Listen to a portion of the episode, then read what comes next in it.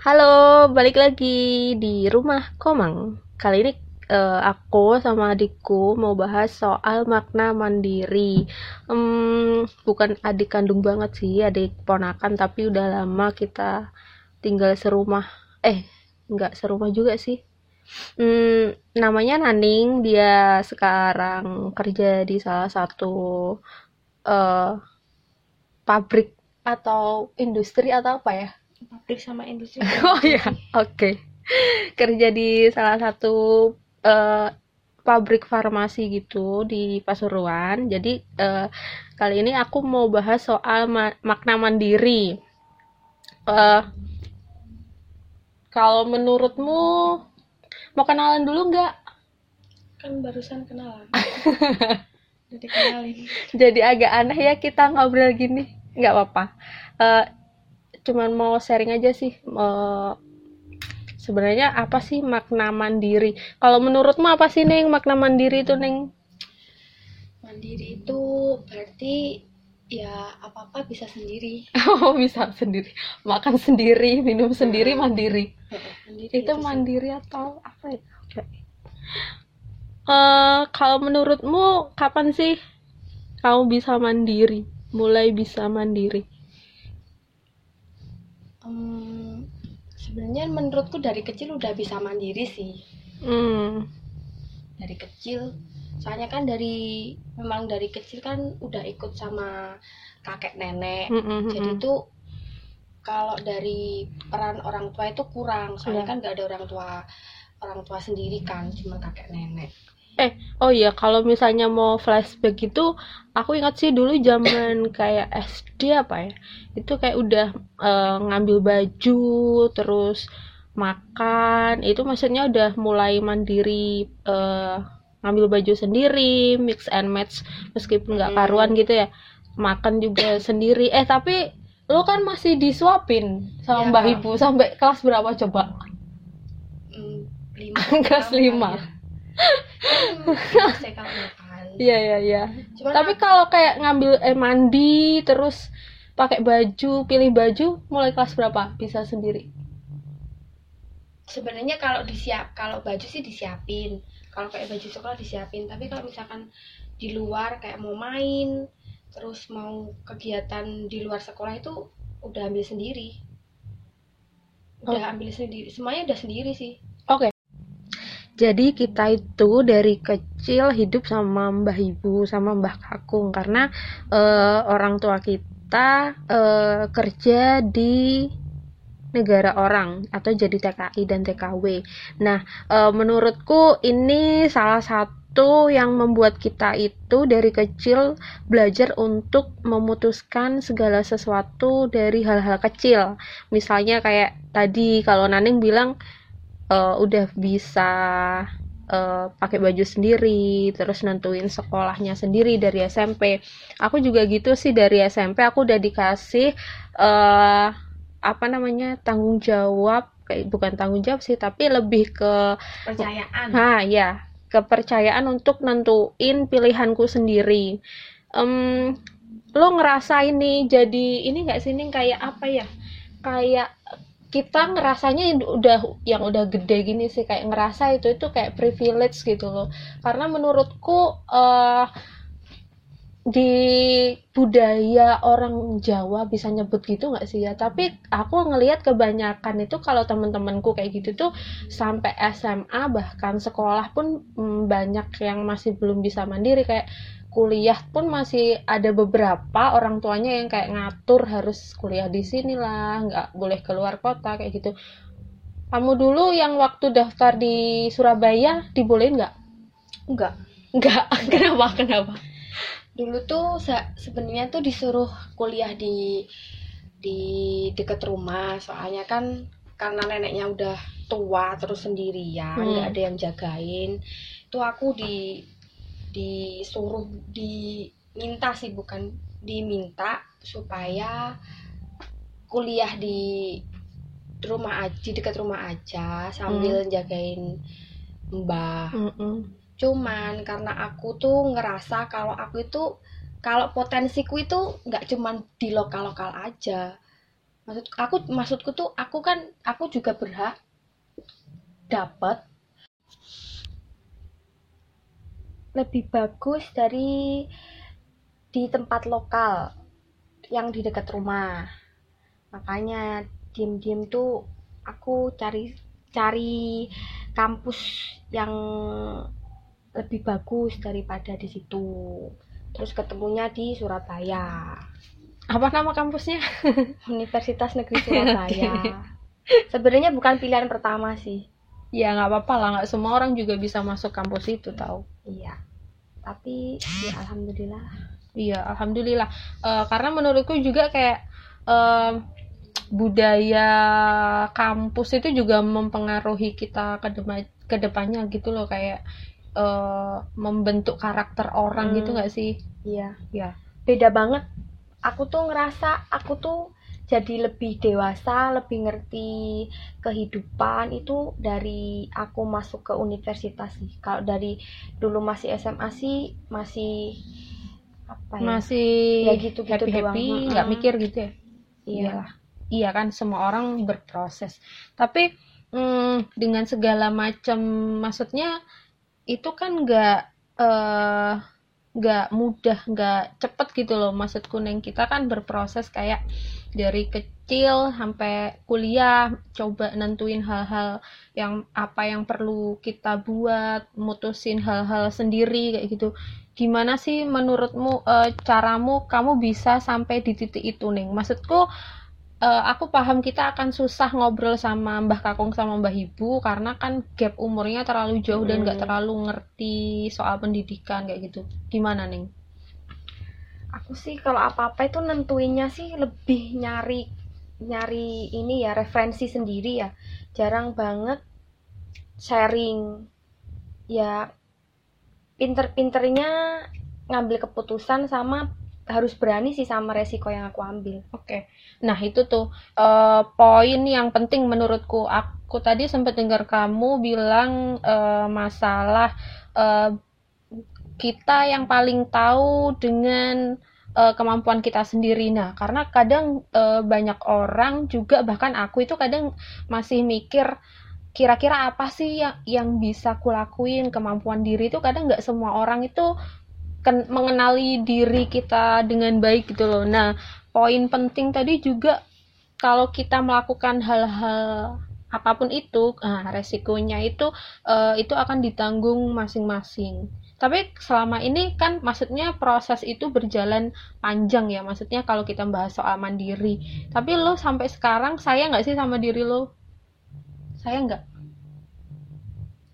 sayang sih tapi kadang tuh kasihan sama diri sendiri Kenapa kok bisa kasihan?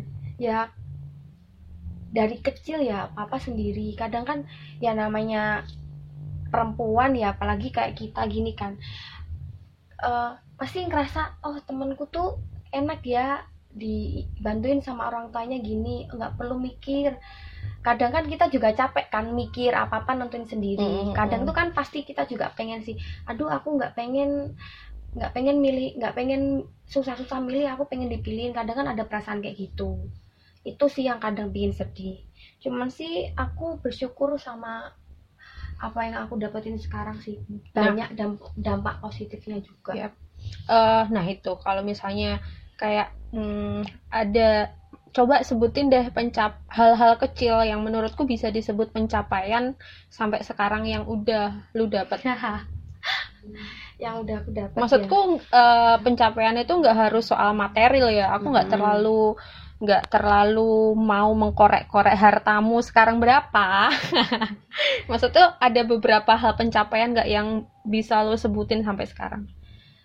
kalau pencapaian sih aku bingung ya menilai pencapaianku tuh di mana. Cuman tuh ada temen yang bilang tuh kayak gini aku tuh kadang tuh belajar dari kamu. Soalnya menurut dia tuh aku tuh apa apa itu bisa mutusin sendiri. Hmm. terus dia tuh belajar. Aku kan apa apa udah aku planning. Misalkan aku pengen ini aku pengen oh aku nanti tuh satu tahun ke depan tuh aku harus belajar ini belajar itu. Mm-mm. nah dia tuh pengen kayak gitu. Cuman tuh mungkin karena dia belum terbiasa mandiri jadinya tuh susah bagi mereka. Itu sih menurutku pencapaian yang yang aku yang poin lebihku daripada teman-teman Hmm. seusiaku sih. Ya kadang eh, itu maksudku menurut orang lain. Heeh, banyak banget kan orang kalau misalnya mau ngelihat pencapaian itu harus lihat materialnya, gajinya berapa, dapat eh, harta apa aja selama kerja kayak gitu. Nah, aku sendiri sih lebih kayak apa sih yang sebenarnya aku capai selama ini dari kecil sampai sekarang meskipun eh, kita hidup cukup mandiri yang bisa bisa aku sebut gitu sih maksudnya apa sih you know? kalau aku sih maksudnya nggak terlalu material banget gitu ya kayak kita bisa kuliah. Meskipun aku dulu juga sempat nggak dibolehin kuliah sama bapakku disuruh uh, buka usaha aja. Tapi aku merasa itu salah satu pencapaian. Aku bisa kuliah aku bisa kerja. Aku pernah pengen jadi guru aku jadi guru. Aku pernah pengen jadi uh, kerja yang boleh pakai sandal jepit aku bisa. Hmm, itu menurutku hal-hal kecil uh, hal-hal yang menurutku udah pencapaian dari uh, selama aku hidup sampai sekarang sih. Tapi kalau kamu nih uh, goals kira-kira hidupmu ke depan itu mau apa yang belum kamu capai? Apa ya? Aku apa ya? Kamu kan suka planning tuh suka planning ke Hmm. depan berapa tahun ke depan. Ada nggak goals yang sebenarnya pengen banget yang kamu capai kayak gitu? Pengennya sih buka usaha ya. Pengennya tuh tiga tahun ke depan tuh aku udah udah bener-bener nggak mau ikut perusahaan nggak mau ikut orang. Pengennya tuh buka usaha sendiri mandiri dari situ bukan mandiri ikut orang. Ya itu sih. Oke. Cuman kan planningnya memang harus panjang kan kalau mau buka usaha. Iya sih. goalku yang bener-bener yang bener-bener pengen. Soalnya bagiku tuh buka usaha itu nggak gampang. Nggak gampang. Nggak gampang banget sih. Tapi lu mau pulang kampung rencananya ya kalau rencana sih pasti ada tapi kapannya itu belum belum bisa ya. nentuin karena soalnya keadaannya juga kan belum belum ngedukung sih. Tapi kalau sekarang nih menurut mm, lo hidupmu udah cukup belum? Cukup misal dari segi material atau non material aku sih lebih bersyukur ya. Kalau cukup sih namanya manusia kan pasti kampret selalu merasa kurang. Aku gaji lu udah gede. Mau gaji berapa lagi? Kurang. Ya manusia cuy. Oh iya, eh, BTW kalau membahas soal kita anaknya TKI ini eh, pernah ngerasa stigmatisasi dari masyarakat nggak soalnya? Eh, soal jadi anak TKI kayak gitu. Pernah nggak? ada pernah pernah Iya, maksudnya dikatain kayak gimana? nggak dikatain sih mereka tuh mikir kalau anak TKI itu kebanyakan susah diatur Oh susah terus diatur, keluar oke. keluar dari dari lingkungan yang baik-baik gitu itu salah satu Eh pernah tapi lu dapet omongan. eh pernah zaman SMP Aku nggak pernah cerita, Iku eh nggak pernah denger. Iku satu sat itu salah satu hal yang bikin aku bener-bener pengen lulus kuliah sampai aku kerja Eh, kata-kata satu orang itu doang Tapi itu kan jadi motivasimu kan akhirnya. iya cuman motivasinya mau jadi lebih ke motivasi balas dendam sih Jangan gitu juga. Tapi Mbak Ibu pernah denger nggak soal itu? Kan biasanya Enggak. eh, biasanya kalau Mbak Ibu kan eh, kalau denger kita dikata-katain tetangga kan jadi benteng gitu kan biasanya dia yang bakal ngomel ke orang. Eh, tapi itu aku pernah sih, maksudnya eh pernah dikatain kalau zaman SMA sih karena keluar sampai malam-malam les di kota gitu sementara kan rumah kita agak jauh 20 menitan. Terus dikatain nggak bener perempuan pulang malam kayak gitu. Tapi aku nggak nggak mikir panjang sih soalnya aku pernah cerita sama Mbah Ibu dan sama Mbah Ibu dibiarin karena Mbah Ibu tahu kalau aku itu ikut les sampai malam memang. Nah itu menurutku eh, salah satu yang bikin aku kayak kuat gitu loh neng. Sampai sampai eh, sekarang maksudku eh, keluarga kita itu orangnya eh, cenderung cuek nggak terlalu em, mikir atau ngurus omongan tetangga. Malah menurut tuh kebalikannya. Kalau di aku sih nggak tahu Oh, aku kok nggak ngerasa gitu ya? Kita tuh dibedain tau nggak sih kalau di rumah Oh iya. Oke. Masa sih tapi kalau itu ngomong masalah itu nanti kita ngobrol di Iya. tema yang lain kali ya cuman kamu kalau mbak kan cerita ke mbak ibu sama apa yang di apa yang diomongin sama tetangga makanya Hmm. mbak ibu itu kan cuek kalau aku tuh pas ada omongan yang omongan motivasi itu tuh aku memang nggak cerita cuman tak simpan sendiri gitu Eh, tapi aku maksudku gini, eh gimana kita eh Mbah Ibu sama Mbah Kakung meskipun gap umurnya sama kita jauh, maksudku perkembangan segala macam itu pasti sangat beda. Tapi aku keinget banget gimana caranya Mbah Kakung sama Mbah Ibu itu kayak ngajarin kita berproses mandiri eh, apa hidup mandiri dengan baik. Misal kayak aku pengen coba ikut organisasi yang inget dulu kan yang di Mm-mm. Tulungagung itu kayak kumpul bocah gitu. Eh itu sampai bener diizinin dan dianterin. Karena aku dulu nggak tahu kan maksudnya tempatnya di mana di kota dianterin. Terus habis itu Oh iya udah sih. tahu tempatnya kita disuruh berangkat sendiri. Terus kita boleh ikut organisasi. Itu menurutku nilai plus loh Ning. Kamu ngerasa nggak sih itu? Kalau pas di umur segitu sih supportnya dari Mbah Kakung tuh memang masih lumayan. Soalnya kan pas umur segitu tuh mereka masih lumayan sehat kan? Iya iya iya. Masih cukup sehat ya. Mm, jadi masih bisalah support kita dari situ. Cuman kan makin hari kan eh seiring waktu kan mereka makin tua. Jadi kan nggak bisa kayak peran orang tua dari mereka tuh udah kurang. Jadi dari situ kan kita udah bener-bener sendirian kan. Iya oh, banyak belajar sih maksudku kalau sekarang kalau dulu itu Iya, kayak nggak terlalu ada support dulu tuh Heeh. walaupun nggak sekuat kayak orang tua iya iya iya iya. Iya, akhir aku dulu sempet gitu sih, masa aku apa-apa kayak sendiri, apa-apa sendiri gitu. Tapi kayak sekarang itu kayak jadi ngerasa banyak bersyukur sih, Neng. Kayaknya maksudnya aku hidupku nggak terlalu banyak bergantung sama orang lain gitu. Bahkan sama bapak ibuku aku nggak terlalu bergantung hidupku. Jadinya kayak ya biasa aja ngelewati proses itu harus orang kan banyak masuk kuliah masih bingung dianterin kayak gitu sampai ditungguin berapa hari dulu di kos baru boro-boro boro-boro kita mah kita dari SMP udah mandiri. TK aja pertama kali masuk TK udah disuruh berangkat sendiri Oh iya iya iya. naik Iya sepeda iya iya iya. Cuman Aku dianterin depan rumah dianterin sampai seberang udah Iya, jalan iya, sendiri iya. Iya sih iya iya.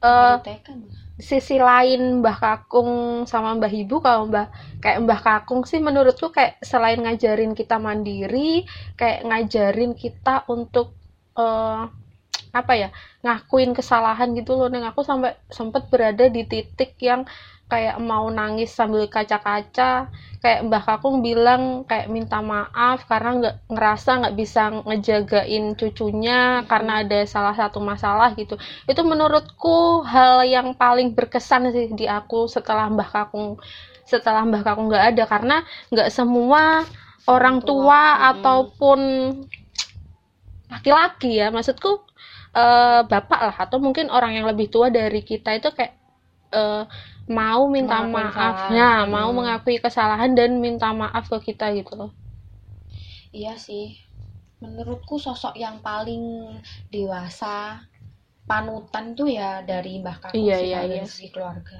aku pun juga ada nggak yang eh, terakhir nih ada nggak kata-kata yang lo sampaikan ke mungkin ke temen eh, ke teman-teman yang eh, mungkin nasibnya ada yang sama kayak kita maksudnya jadi anak TKI ataupun mungkin keluarganya broken. Maksudnya yang kon- komunikasi sama orang tuanya kurang supaya bisa membentuk bukan membentuk kepribadian yang lebih baik ya tapi kayak lebih menerima apa yang eh, lebih menerima dengan kondisinya gitu loh Ning. Ada nggak sih Ning? Input positif lah.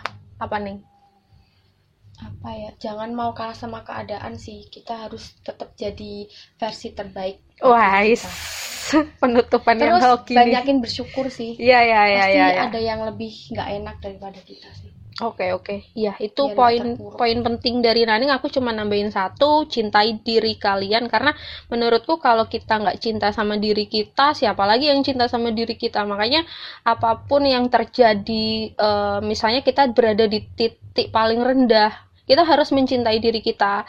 Nah kita cari solusi dan eh pasti eh, suatu saat kayak kita bakal nyadarin hikmahnya gitulah. oke kamu ada nambahin lagi kan nih nggak ada sih udah cukup Oke, eh bye. Eh, nanti mungkin kita akan ngobrol dengan tema yang lain bareng Naning kalau dia mau sih. Selamat malam.